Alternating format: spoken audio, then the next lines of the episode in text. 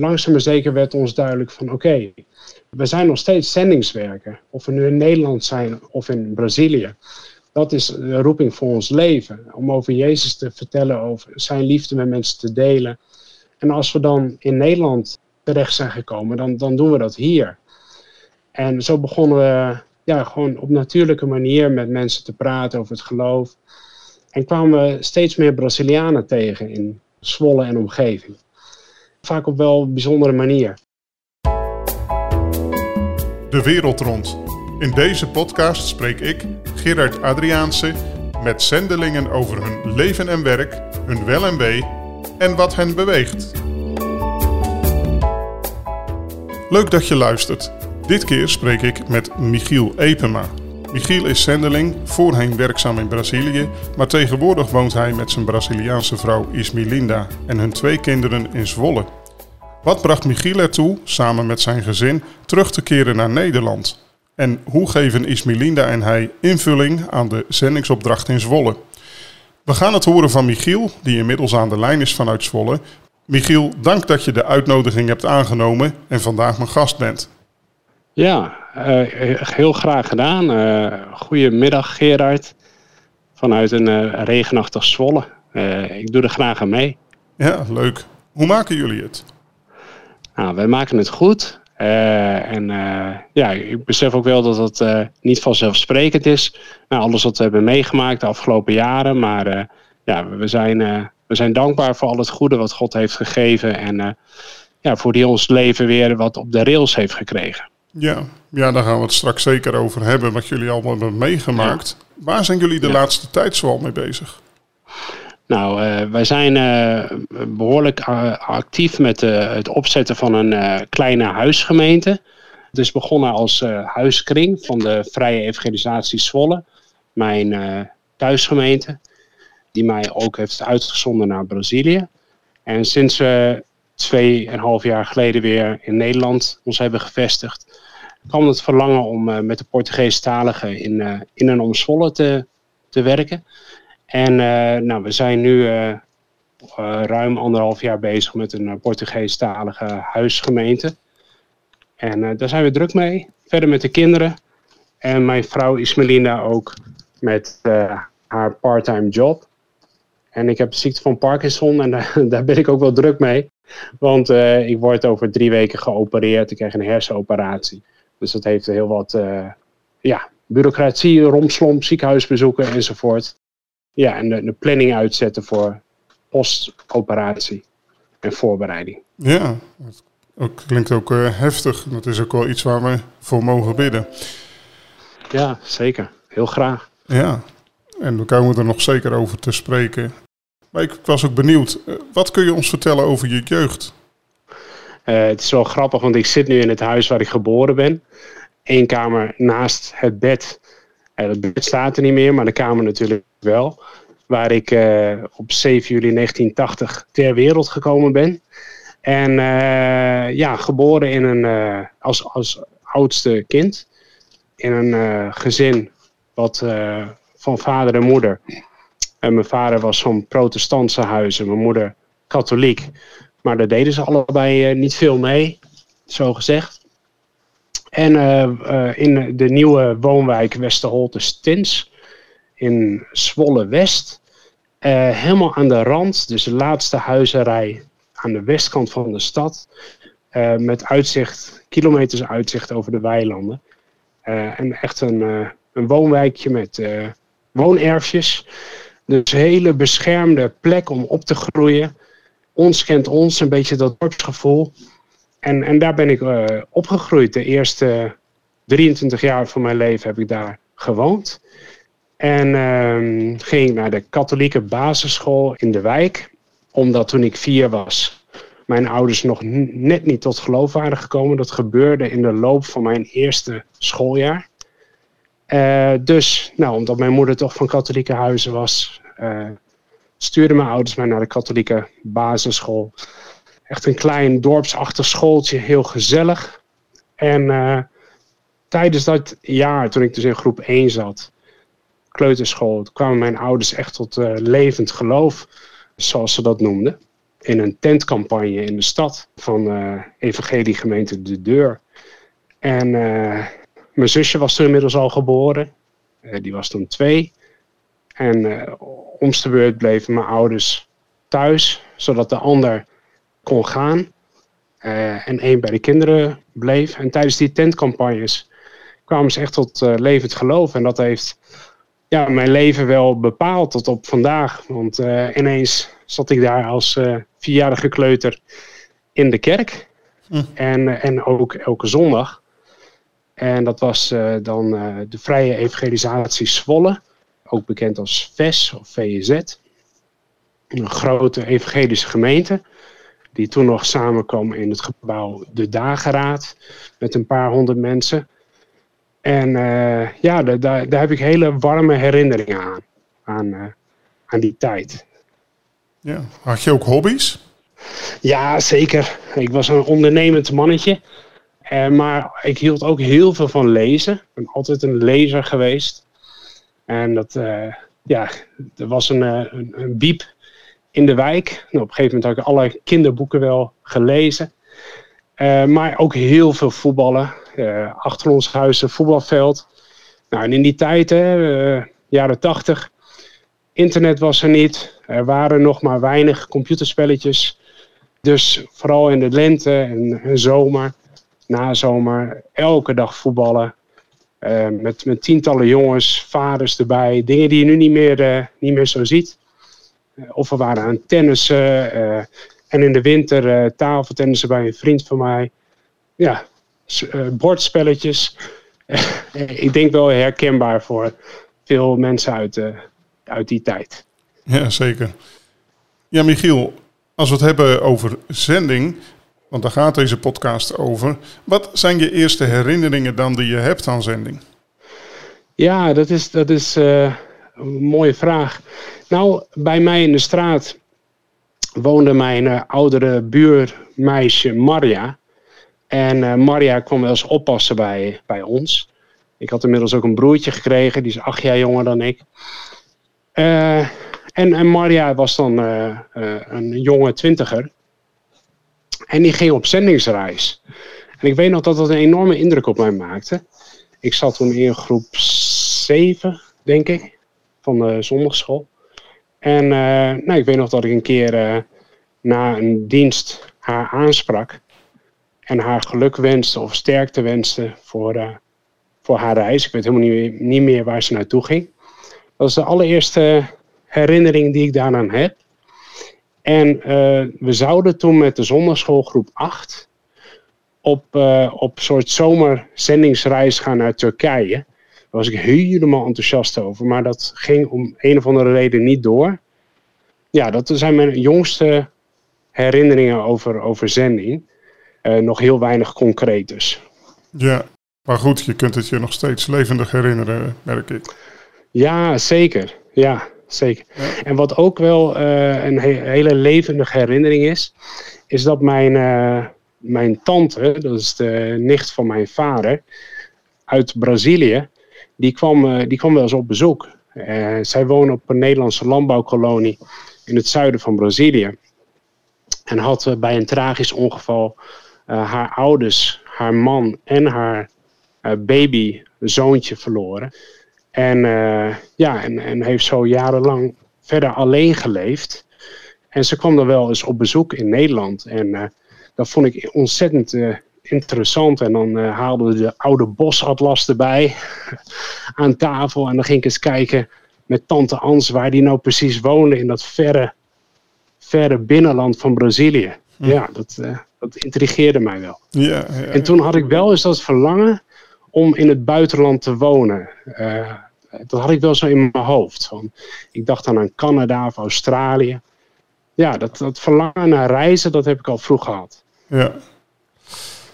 Ja, het viel me ook op toen ik over je achtergrond las dat je met je studie godsdienst binnen pastoraat specifiek koos voor de richting missionair werker. Waar kwam het verlangen vandaan missionair bezig te zijn? Kun je dat misschien ook wel herleiden tot je jeugd? Of? Uh, ja. ja, zeker. Uh, behalve dat ik dus van reizen en, en avontuur houd. Um, weet nog heel goed dat ik een keer naar een uitzending keek van EO met de daad. Over de straatkinderen van Boekarest in Roemenië. Die in uh, riolen onder de grond een beetje warm proberen te blijven in de winter. En dat heeft een onuitwisbare indruk op mij gemaakt. Ik denk dat ik zo'n ja, 13, 14 jaar was. En um, in mijn tienertijd ben ik ver weg geweest van, God. Als kind had ik mijn leven aan God gegeven. Maar toen ik 12 was, uh, ja, ik had geen christelijke vrienden. En uh, ging naar de middelbare school. En uh, nou, ik was eigenlijk een heel onzeker mannetje. Ik was ook wat gepest. en ik wilde dat compenseren door stoer te doen en een beetje de bink uit te hangen. Dus ik begon ja, verkeerde dingen te doen. Roken, blowen, stelen, liegen, bedriegen. Van de ene relatie in de andere. Met meisjes. En uh, dus heel ver van God af. Maar toen ik uh, eh, 17 was, toen werd ik ziek, kreeg ik ME, chronisch vermoeidheidssyndroom. Twee jaar en drie maanden ziek geweest. In die tijd weer bij God teruggekomen. En heb ik echt gemerkt dat hij er voor mij is, dat hij mij vergeven heeft. dat ik alles mocht ja, uitstorten bij hem, al mijn zonden, al mijn zorgen. En ik werd genezen van de een op andere dag. In september oh. 2000. En toen ging eigenlijk de wereld weer voor mij open. En toen was ik bij Opwekking, de conferentie, in Biddinghuizen in het voorjaar van 2001. En daar liep ik de zendingsstand binnen. En daar kwam ik bij de stand van Jeugd met een opdracht. En daar hadden ze een folder van de Go-teams, de zomerzendingsreizen voor jongeren. Ja. En nou, ik sprak daar met de medewerker, nam het boekje mee. En de, de reis die er voor mij uitsprong was Brazilië. Uh, om te werken met straatkinderen en uh, kinderen in sloppenwijken. En uh, dat was dan, zou drie maanden later zijn, in juli, augustus 2001.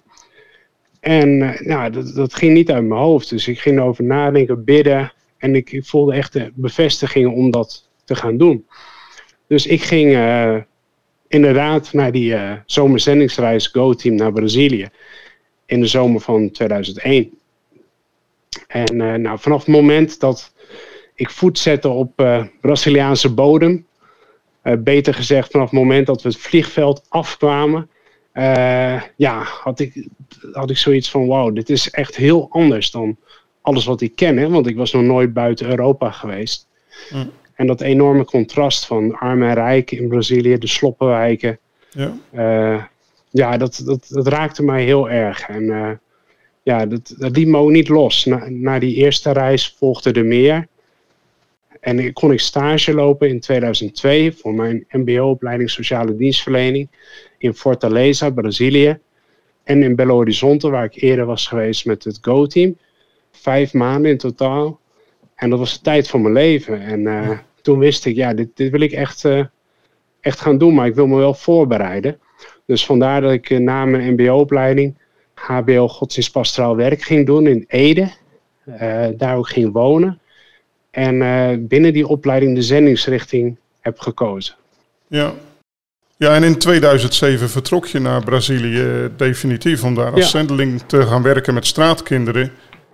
Hoe, hoe was die omschakeling? Ja, je was er al mee bekend dus, uh, het leven in Brazilië. Maar uh, ja, je vestig je er ook echt. Je maakt dan een uh, transitie door, zeg maar.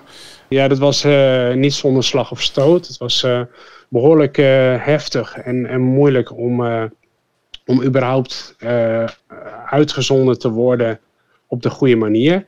Onze kerk, de, de VZ, die, die gaf alle medewerking, maar het was vooral heel veel wat samenkwam tegelijk. Uh, ik, was in mijn derde jaar van de opleiding. Toen ik echt de roeping ervaarde om definitief, in elk geval voor de langere termijn, naar Brazilië te gaan. Uh, maar toen had ik nog anderhalf jaar studie te gaan. En ik lag er wat achter bij de studie. Dus ja, ik, ik, ben toen fanatiek aan de studie gegaan om in te lopen. Ondertussen het proces gestart met de gemeente om uitgezonden te worden als zendingswerker. En toen volgde mijn eindstage en afstudeeropdracht van vijf maanden in, in Sudan. Dat was in het vierde jaar. En toen kwam ik terug en toen moest ik nog mijn rijbewijs halen. en mijn, mijn, scriptie afronden. Waarbij ik soms een, een nacht doorwerkte. ik haalde mijn rijbewijs, maar ik ging van het ene griepje in, in de andere verkoudheid in het najaar van 2007. En ondertussen moest ik mijn visum aanvragen. En dat lukte toen ik mijn diploma kreeg. Want daarmee kon ik een missionair worker visa aanvragen voor Brazilië. Maar toen ik dan eindelijk werd uitgezonden en begin december 2007 aankwam in Brazilië, was ik ook wel op. Uh, Dus ik was eigenlijk eindelijk waar ik wilde zijn. Maar de, ja, de, de, de energie was weg. Ik, ik moest echt een paar dagen vrij nemen van het werk waar ik net begon om, om bij te komen. En uh, ik denk dat dat mede ook de reden is geweest dat ik begin 2008 in een, in een depressie terecht kwam. Wauw, ja. En dat was ook de tijd, 2008, dat je je discipelschap trainingsschool van Jeugd met de Opdracht in Brazilië deed, toch? Ja, klopt. In maart 2008. Ja. Viel dat samen met die depressie dan? Ja, die depressie begon net een paar weken voor die DTS. En uh, ja, dat, dat sleepte ik eigenlijk mee uh, door die DTS heen. Inclusief de, de outreach naar China, waar we drie maanden op een praktijkfase waren. Maar uh, het was heel moeilijk, heel zwaar. Omdat ik ja, lichamelijk vaak niet, niet lekker in mijn vel zat. Niet goed sliep. Angsten had. Bang was dat ik het niet zou volhouden in Brazilië. Dat ik toch terug zou moeten naar Nederland onzekerheden. Maar toch bleef ik me op God richten. En, en had ik ook heel sterk het gevoel van oké, ik kom hier uit. En dan wil ik andere mensen tot steun zijn die ook ja, met depressie of angst te maken hebben. Ja, ja, en dat, dat ja, dat doe je dan ook. Uh, maar, maar die DTS uh, was voor jou dan uh, inderdaad in die, in die periode van depressie. Heeft je. DTS daar ook bij geholpen? Ja, absoluut. Absoluut. Want uh, we hadden een goede, gezellige groep van uh, 18 Brazilianen en vier buitenlanders, waaronder mijzelf dan. Ja, een heel mooi groepsproces, al in, in Fortaleza op de basis. En je werkt toch samen ergens naartoe. Hè? het was voor de meeste van de 18 Braziliaanse studenten de eerste keer dat ze überhaupt in het buitenland kwamen. Sommigen waren zelfs nooit buiten de eigen deelstaat geweest. Uh, en dan in één keer naar China. uh, tijdens de Olympische Spelen. En, uh, en daar drie maanden blijven. Terwijl we geen geld hadden om, om daar te, te, te, te leven. Hè. We hadden geld van onze heenreis en terugreis. Maar hoe we daar zouden overleven wisten we nog niet. Toen we in Hongkong aankwamen. En ja, dat heeft ons, onze groep wel heel hecht gemaakt. En, en dat, dat hielp mij ook. Ik kon ik kon gelukkig wel praten over mijn problemen met mijn mentor. En uh, daar heel open over zijn. En daar ben ik ook goed in begeleid. Ja, ja. Nou, je hebt vervolgens zelfs tot begin 2019 gewerkt bij Jeugd met de Opdracht in Brazilië. wat hield dat leven als medewerker op de basis van Fortaleza praktisch voor je in? Nou ja, na de DTS, zoals je zei, werd ik medewerker op de basis. Uh, de, maar niet op de, de moederbasis, zeg maar, wat enigszins vergelijkbaar is met uh, Heidebeek in ja. jeugd- en opdrachtbasis in Nederland. Uh, maar op de opvangboerderij voor extraatjongens, de mm. Grace Farm, iets meer naar het binnenland, in een, in een dorpje, klein dorpje. En daar woonde en werkte ik samen met mijn collega's met de jongens. Dat waren een vijftal extraatjongens.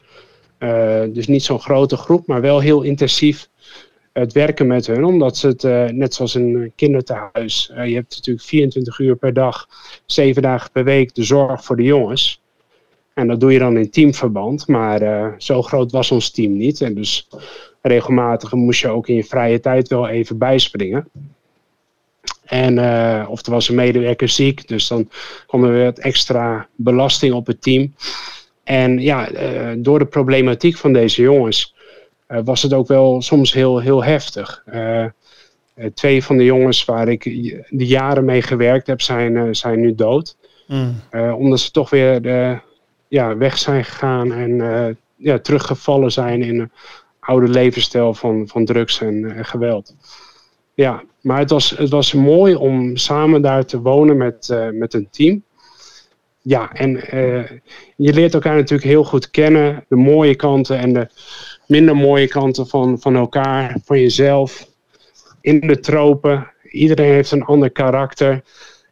sommige mensen die ja, raken sneller gefrustreerd. Je hebt natuurlijk de, de, de cultuurverschillen waar Brazilianen en mensen uit diverse landen, mannen en vrouwen. Dus uh, ja, ook al ben je christen, dat betekent niet dat je altijd elkaar begrijpt en goed kan samenwerken. Dus dat heeft wel heel veel ja, mij gevormd, denk ik. Ja, ja.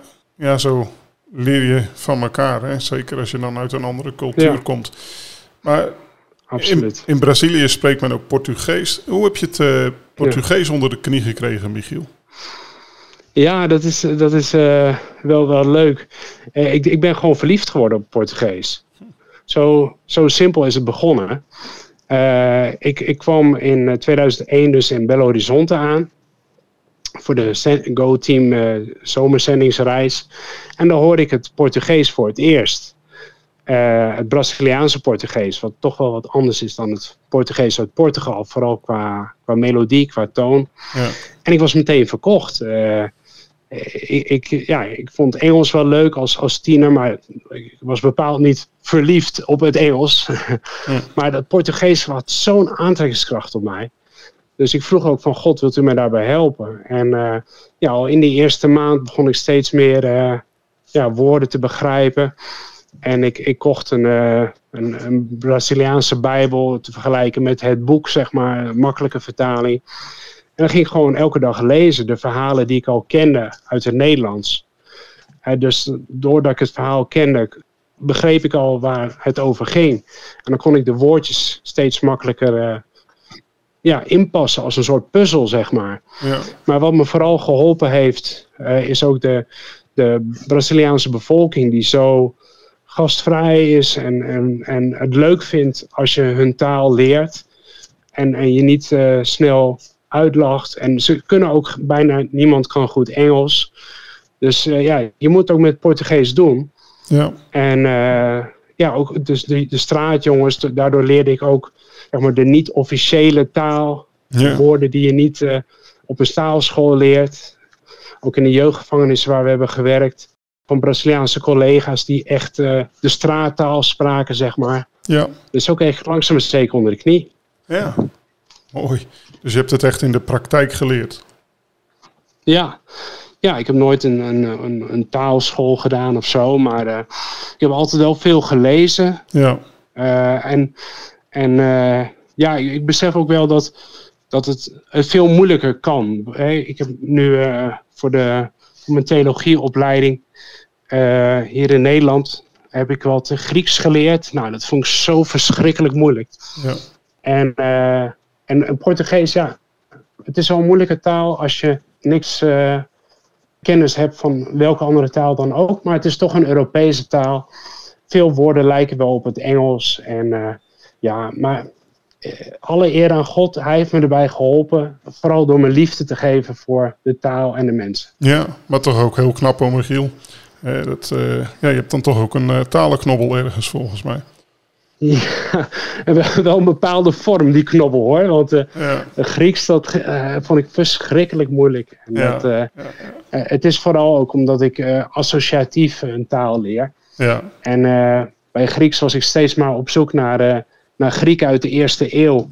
Het is dan ook nog het Bijbels Grieks, wat je moest leren. Maar die Grieken uit de eerste eeuw zijn allemaal overleden. Ja. dus ik kon met niemand Grieks leren door te praten. Alleen maar die oude teksten en grammatica boeken, nou, dat, dat is niet mijn manier van leren. Nee, nee, nee.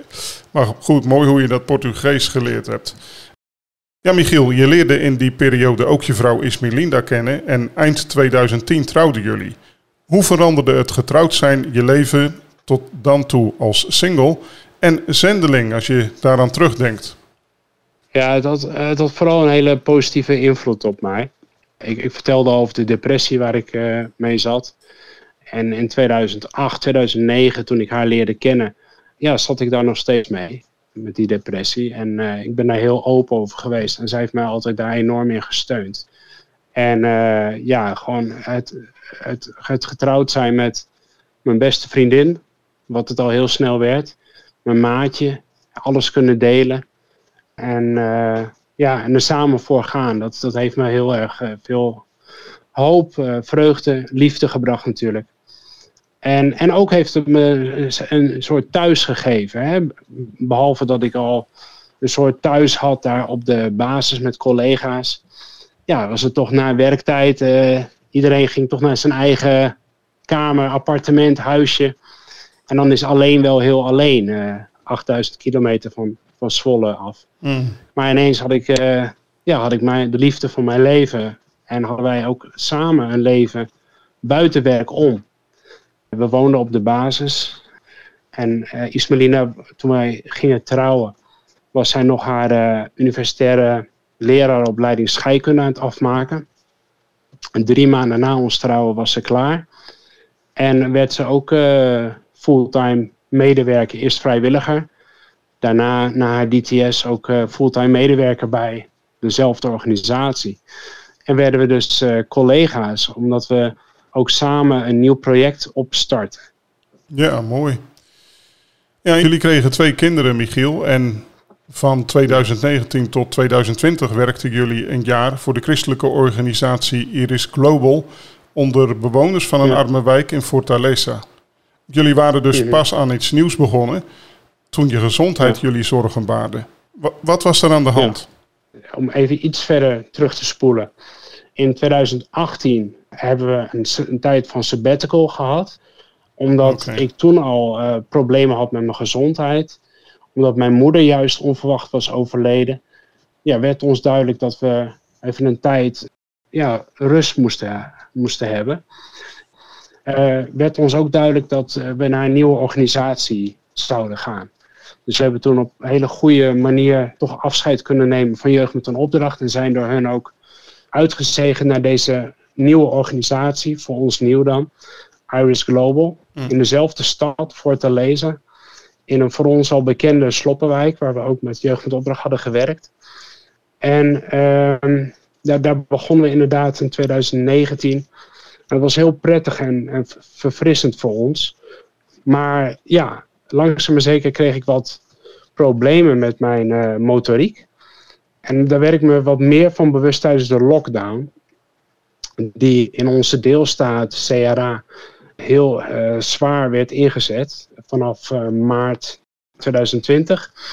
Uh, eh, toen corona in alle hevigheid over Brazilië kwam, toen werd dus in de deelstaat een, een algehele lockdown afgekondigd.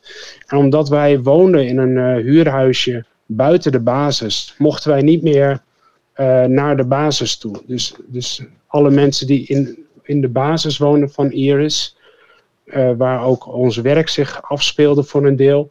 Ja, die moesten daar blijven. En je mocht geen uh, verplaatsingen hebben door de stad heen, zeg maar. Dus ja, toen zaten wij drie maanden thuis, min of meer opgesloten tussen haakjes, in ons eigen woonparkje. Met onze kinderen, want de scholen waren ook dicht. Sure. En ja, toen merkte ik wel dat communiceren wat, wat lastiger ging. Vooral WhatsApp, audiogesprekjes. We kregen toen online gesprekken. Dat, dat ja, kostte mij ook moeite. Typen werd lastiger met mijn rechterhand.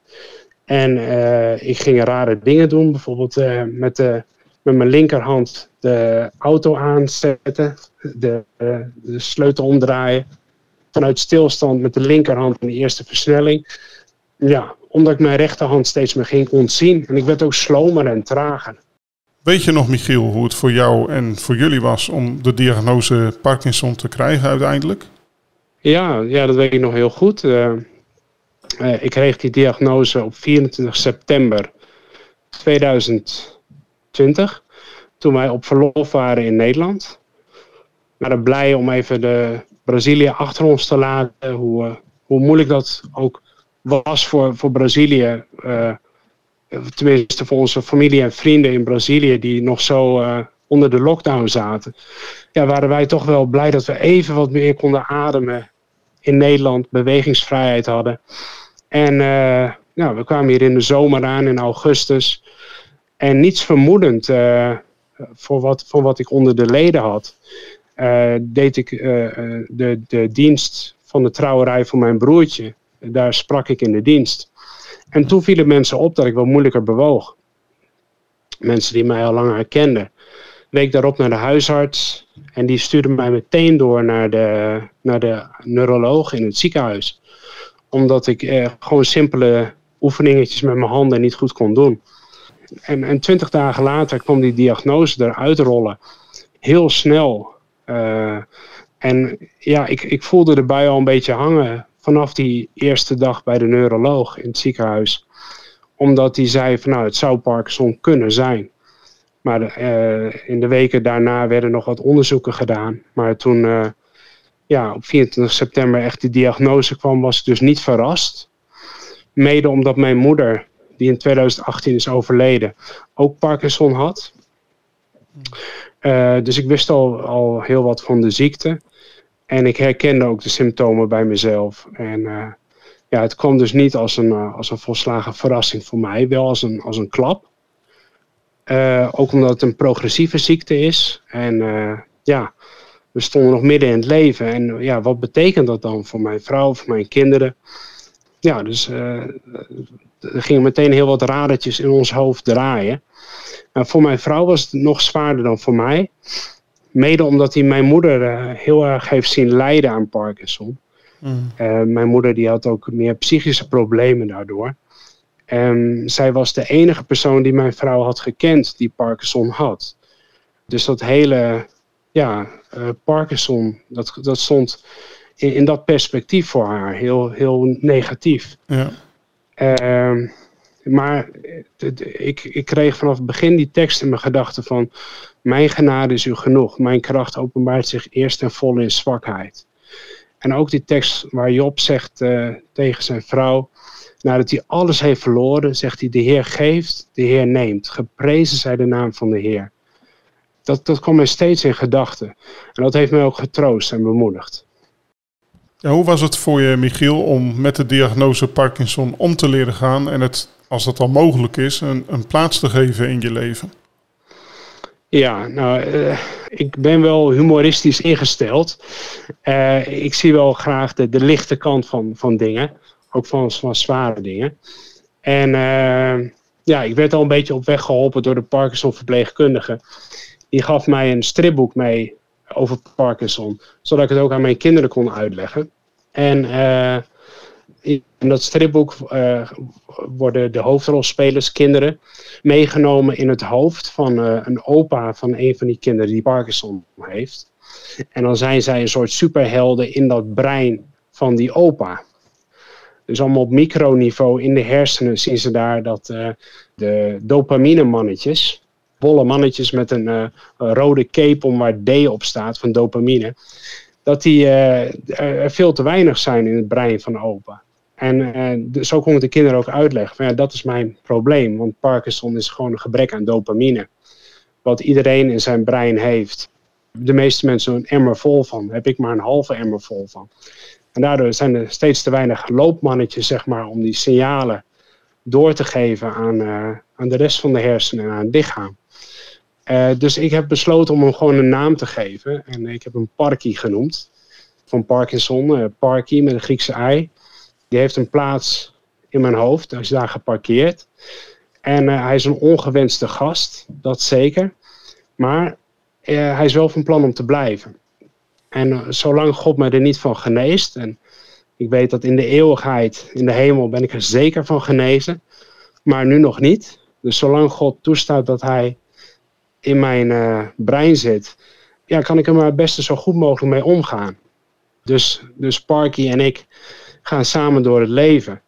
En hij hindert mij, maar ik hinder hem ook. Want ik, ik wil me niet, niet mijn leven helemaal laten bepalen door, door Parkinson. Maar we moeten wel rekening houden met elkaar. En uh, uiteindelijk weet ik dat zowel Parkinson als ik onder, onder Gods gezag staan. En dat God ook door Parkinson deuren opent. Want ik heb bijvoorbeeld met heel veel mensen uh, die ook een chronische ziekte hebben over het geloof mogen praten dus ja, ik probeer het een plaats te geven in mijn leven door het de, de juiste aandacht te geven. Niet te veel en niet te weinig. Ik, ik, loop er niet mee te koop dat ik Parkinson heb, maar het valt wel heel erg op omdat ik moeilijk beweeg. Uh, terwijl ik toch een jonge vent ben, 43. Ja. Uh, en ja, mensen kunnen het verder ook niet aan de buitenkant zien. Maar als ik dan ga bewegen, dan zien mensen dat ik heel erg schud of tril of overbewegelijk ben. Dus dan komt het al gauw op, op Parkinson. En daar ben ik er heel open over. En, maar dan zeg ik ook van ja, maar God is er wel bij. En hij, hij geeft me moed en kracht en liefde en hoop om verder te gaan. Ja, ja dus de diagnose veranderde ook veel in jullie leven als gezin en als zendelingen. Ja, zeker. Ja. De diagnose kwam precies tien dagen voordat we weer terug zouden vliegen naar Brazilië. En uh, de neurologen die zei meteen na de diagnose van nou, als ik u was zou ik nog een tijd in Nederland blijven, nog zo'n drie maanden minimaal, zodat wij een behandelplan voor u op kunnen zetten, medicatie wellicht. En uh, ja, en, en zodat u op weg geholpen kan worden met deze ziekte. Dus nou, dat, dat, dat was het eerste wat we wisten. Van oké, we moeten nog even een paar maanden in Nederland blijven. Maar ja, we hadden ook geleerd in de loop der jaren om, om alle beslissingen in ons leven in Gods hand te leggen en, en in gebed bij Hem te brengen. En uh, toen we erover gingen bidden van God, wat betekent dit? Toen kwam, kwam al heel snel, uh, meteen eigenlijk, kwam de rust en, en de vrede om in Nederland te blijven. En uh, aan de ene kant lag dat voor de hand, want we waren nu toch al in Nederland. En in Nederland is de, zorg voor Parkinson met name heel goed. Maar aan de andere kant lag het ook weer helemaal niet voor de hand, want we waren alleen met drie koffers en twee kinderen gekomen. En dat was alles. Al onze spullen lagen nog in Brazilië. We hadden daar een huurhuisje, een auto. En, uh, en vooral natuurlijk ons, ons levenswerk uh, bij, uh, bij de organisatie daar, bij Iris Global. Onze roeping. En, en de familie en vrienden van, van ons, de familie van Ismelina met name. Allemaal daar in Brazilië. Dus ja, voor mij was het, was het toch wel wat natuurlijker dan voor Ismelinda. Want ik kwam notabene in mijn eigen ouderlijk huis terug. Uh, mijn vader die, die bleef daar wonen nadat mijn moeder was overleden. Mijn broer en zus al lang de deur uit. En uh, ja, noodgedwongen, maar ook wel heel, heel prettig toch, konden we toch bij, uh, bij pa inwonen. Terwijl wij zochten naar een huis. En dat lukte niet. En uh, het hele woningprobleem in Nederland. Wij kwamen net kijken, dus wij konden geen huis vinden. Totdat uh, mijn vader bedacht na een half jaar van oké, ik zou mijn huis kunnen verhuren aan, aan mijn zoon en zijn gezin. En zelf een appartement huren. En zo is het ook gebeurd. En, en dat heeft wel, wel, wel echt geholpen. vooral mijn vrouw, want vanaf maart 2021 uh, wonen we er echt zelf in het huis. En kon ze het ook inrichten wat naar haar smaak. En dat is voor haar ook echt heel belangrijk. En uh, langzaam maar zeker werd ons duidelijk van oké, maar we zijn nog steeds zendingswerken. Of we nu in Nederland zijn of in Brazilië. Dat is de roeping voor ons leven. Om over Jezus te vertellen, over zijn liefde met mensen te delen. En als we dan in Nederland uh, terecht zijn gekomen, dan, dan doen we dat hier. En zo begonnen we ja, gewoon op natuurlijke manier met mensen te praten over het geloof. En kwamen we steeds meer Brazilianen tegen in, in Zwolle en omgeving. Uh, en dat vaak op wel bijzondere manier. En dat klikte vaak heel goed. En zo leerden we steeds meer Brazilianen kennen in de omgeving. En uh, merkten we dat veel van hun wel gelovig waren uh, of zijn, maar niet naar een kerk gingen en ook geen ja, aansluiting vonden bij de bestaande kerken in de omgeving. En uh, nou, toen kregen we het verlangen om zelf een Portugeestalige kring op te zetten van onze uh, thuisgemeente, de VZ. En daar zijn we mee begonnen in februari, maart uh, vorig jaar. En daar zijn we nu nog druk mee bezig. Ja, en die kerk is ook groeiende, begreep ik. Ja, ja, uh, groeien nog niet zozeer in, in uh, aantal mensen. Uh, we hebben meer een vaste groep van 15 mensen. Maar al met al, al, alles bij elkaar, zijn het wel zo'n 25 mensen waar we mee in contact zijn, onszelf inbegrepen. maar niet iedereen kan elke keer komen naar de diensten. De diensten zijn ook eens in de twee weken op zondagmiddag, omdat we ja, het anders nog niet goed kunnen behappen we zijn nu in het proces bezig om wat taken en verantwoordelijkheden te delen, zodat niet alles bij mij en Ismelina komt te liggen. En, en dat is wel een belangrijke voorwaarde om ook te kunnen groeien. Ja. Ja, Michiel, wat heeft je het meest geholpen in de moeilijke tijd van transitie van Brazilië naar Nederland? Ja, wat, wat mij het meest geholpen heeft, is, is uh, me op God te richten. En uh, ja, Hem te danken voor alles. Ook voor de moeilijke omstandigheden. En te vertrouwen op dat Zijn plan met ons doorgaat. Dus ook al gingen we door een woestijnperiode heen, ja, het volk van God in de Bijbel ook is, is vaak door woestijnen heen gegaan. En, vaak zijn die woestijnen nodig om bij een oase of bij het beloofde land te komen.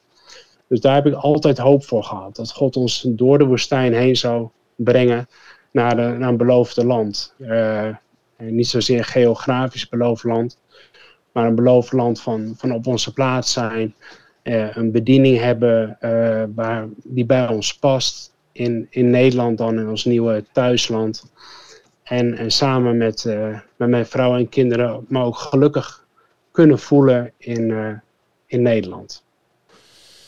Ja, Michiel, jij bent opgegroeid in Nederland. Maar hoe was die omschakeling voor Ismelinda en jullie, zeker toen nog jonge kinderen? Nou, voor Ismelinda was het buitengewoon zwaar. Omdat, uh, zoals ik al vertelde, het enige referentiekader voor Parkinson dat ze had, was mijn moeder. Ze wist dat het progressieve ziekte was. En eh, ze zag dat ik er nu al problemen mee had. Dus ja, ze, de angst sloeg haar om het hart van waar gaat dat heen? Juist ook omdat ze nu als vreemdeling in een nieuw land woonde. Met jonge kinderen die natuurlijk uh, ja, ook alle aandacht nodig hadden. Zelf in een integratieproces zaten. Ondertussen zette de herfst en de winter in met alle ja, uh, donkere luchten, regen en kou van dien. Liep ze tegen de, de Nederlandse cultuur aan, met, met toch wel ja, meer zakelijkheid, gereserveerdheid. miste ze haar familie, de, de, de Braziliaanse zon. Ja, dus, dus zij kwam echt wel even in een soort van depressie terecht. En ja, het werd beter vanaf het moment dat, dat het huis ook voor ons werd. Uh, dat het ons eigen huurhuis werd. En met hulp van Marktplaats en voor enkele tientjes uh, hebben we eigenlijk het hele huis kunnen inrichten. En uh, ja, dat, dat heeft haar toch ook wel, wel heel, heel goed gedaan. De kinderen hadden ook elk hun eigen proces. Onze Davi, onze jongste, was vier. Die was in Brazilië nog niet naar school geweest. Die begon in de kleuterklas zonder één woord Nederlands te spreken. Hij begreep het wel, maar hij praatte alleen maar Portugees de eerste weken. Mm. En de kinderen gaapten hem een beetje aan. En toen ja, ging de knop om en begon hij Nederlands te praten. En uh, dat is eigenlijk heel goed gegaan, hun taalontwikkeling. Ze zitten op, uh, op sport, hebben vriendjes.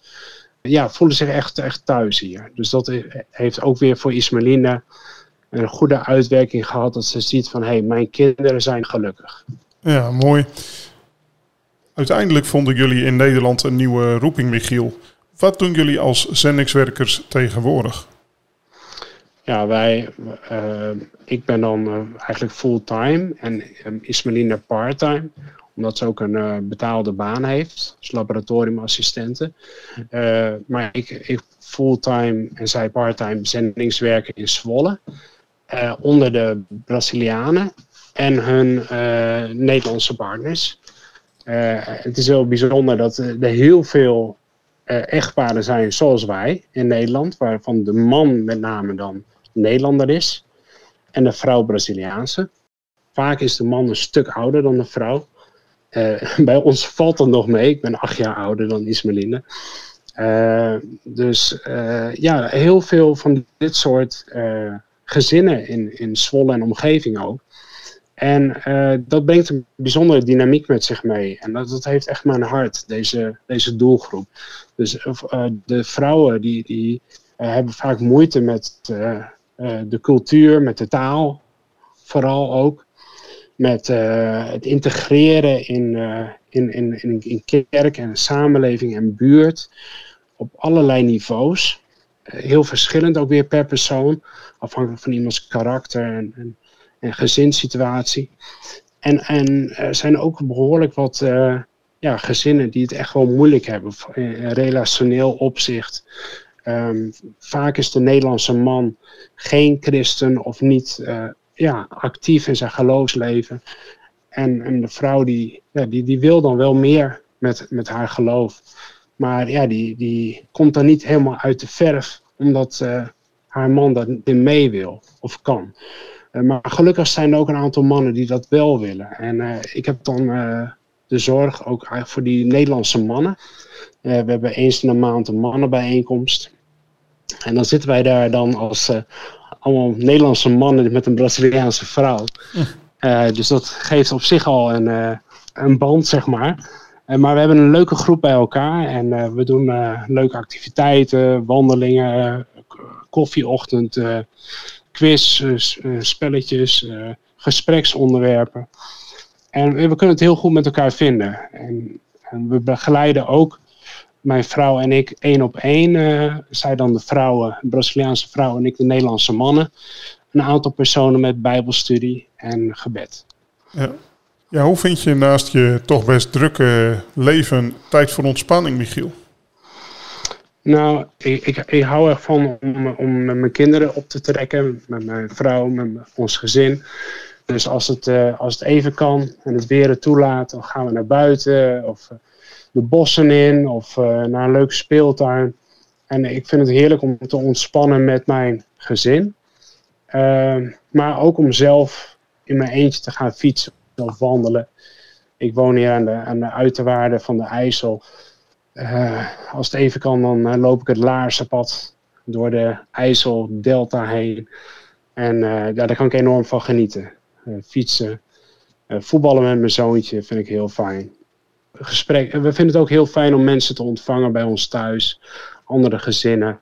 Om te connecten met mensen. Dat, dat geeft ook ontspanning. Ja, en we hebben nu juist een museumjaarkaart gekregen, gekocht voor het hele gezin. Dus we hopen dit jaar heel wat leuke musea te bezoeken samen. Ja, nou die zijn er ook uh, volop. En zelfs ook in Zwolle, weet ik. Ja, ja. Zeker. Michiel, met je ervaring van de afgelopen jaren, wat zou je de luisteraar die Jezus lief heeft, maar met chronische ziekte te kampen heeft, willen meegeven? Ja, nou, ik zou jou, u willen meegeven om te weten dat God onvoorwaardelijk van je houdt.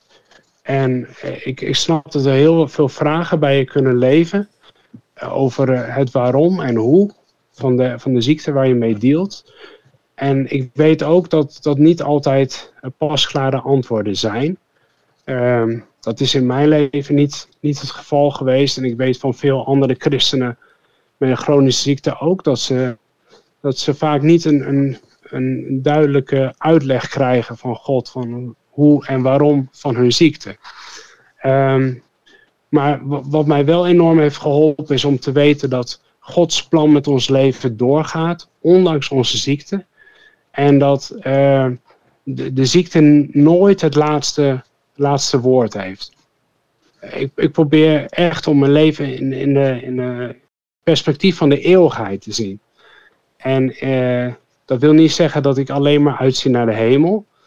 Maar ik weet wel dat op een dag zal ik vrij zijn van alle ziekte en, en pijn. En eh, we zijn er zo. In een oogwenk zullen we in de hemel zijn of zal Jezus terugkeren. En, en dan is dat onze eeuwige realiteit. Dat we altijd bij Hem zullen zijn zonder ziekte, zonder pijn. Maar ook in dit leven uh, is hij wel bij ons. In de pijn, in de moeite, in het verdriet. Want hij heeft beloofd, ik, ik, ik zal u nooit begeven, ik zal u nooit verlaten. Uh, de ziekte is, is ontzettend moeilijk. Maar hij heeft ook geleden. Hij weet wat het is. Uh, hij is echt bewogen om ons lijden. En um, vaak kan je ook alleen voelen door chronische ziekte. Want ja, mensen zien het niet aan de buitenkant misschien als je de diagnose krijgt, zoals ik, krijg je eerst heel veel bloemen en kaartjes. Maar op een gegeven moment stopt dat, vrij snel stopt het alweer. En dan is het gewoon een gegeven dat je die ziekte hebt. En ja, vaak vragen mensen er ook niet meer naar. En ze zien het soms ook niet aan je. Maar God ziet het wel. Hij weet waar je mee dealt. Hij weet wat er is met jou. Maar ehm, hij kan je gebruiken, ook in je ziekte, om een getuige te zijn van Jezus. Ja, mooi. Echte bemoediging. Amen. En dat is mijn hoop. Ja. Jullie doorzettingsvermogen en veerkracht is een voorbeeld en laat zien dat we God kunnen dienen in elke omstandigheid die op ons afkomt, Michiel. Maar het is zeker ook een proces geweest. Hoe ga je om met de vragen die je ongetwijfeld ook hebt? Nou, eh, we gaan daar ook wel verschillend mee om. Uh, er zijn natuurlijk heel verschillende personen. Ismelina, een Braziliaanse vrouw, ik een Nederlandse man, maar ook haar persoonlijkheid. Um, zij is, is wat, wat uh, uh, expressiever in, in dat ze het uitroept naar God, ook letterlijk van waarom. En, uh, en al haar emoties bij, bij God brengt. En ja, ik sta gewoon heel optimistisch in het leven. Dus voor mij is een half glas al vaak vol. En ik kan heel dankbaar zijn om, om kleine dingen. En ja, als dingen niet goed gaan, dan probeer ik vooral te kijken naar wat er wel goed gaat. Um, en ik, weet wel dat het mij heel erg helpt om te kijken van oké, alles mag, mag ik bij God brengen. Uh, mijn, mijn frustratie, mijn moeite, mijn twijfels. Uh, waarom heb ik aan God gevraagd? Uh, en ook krijg ik niet specifiek antwoord op het waarom.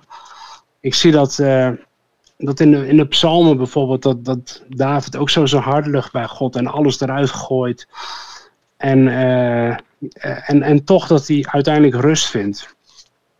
En, en, en dat helpt mij ook om, om te kijken van oké, ik zit met dit probleem, het is heel heftig, maar God hij is er wel bij en hij, hij heeft een plan hij, en hij gaat door. Nou, ik krijg dan die hersenoperatie over drie weken.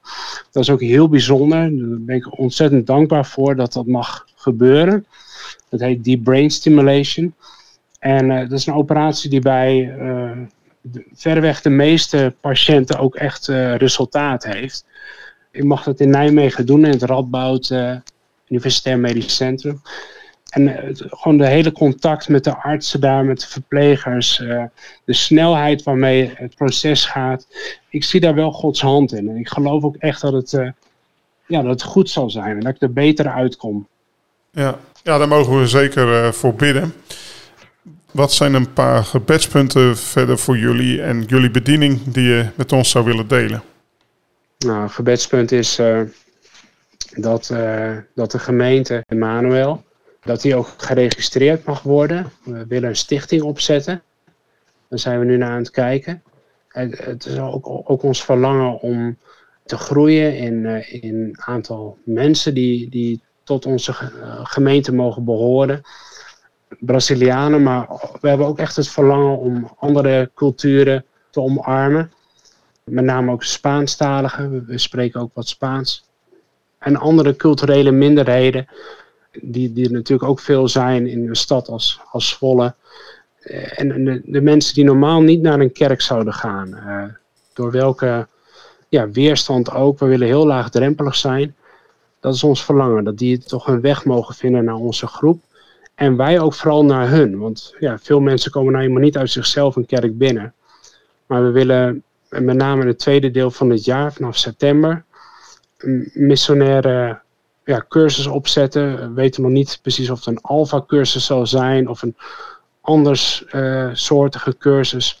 Waarin we echt naar buiten willen gaan, uh, het geleerde in praktijk willen brengen, ons onder de uh, dakloze asielzoekers willen begeven hier in Zwolle en omgeving ja, dus we vragen echt om, om leiding van God daarin, bescherming en wijsheid.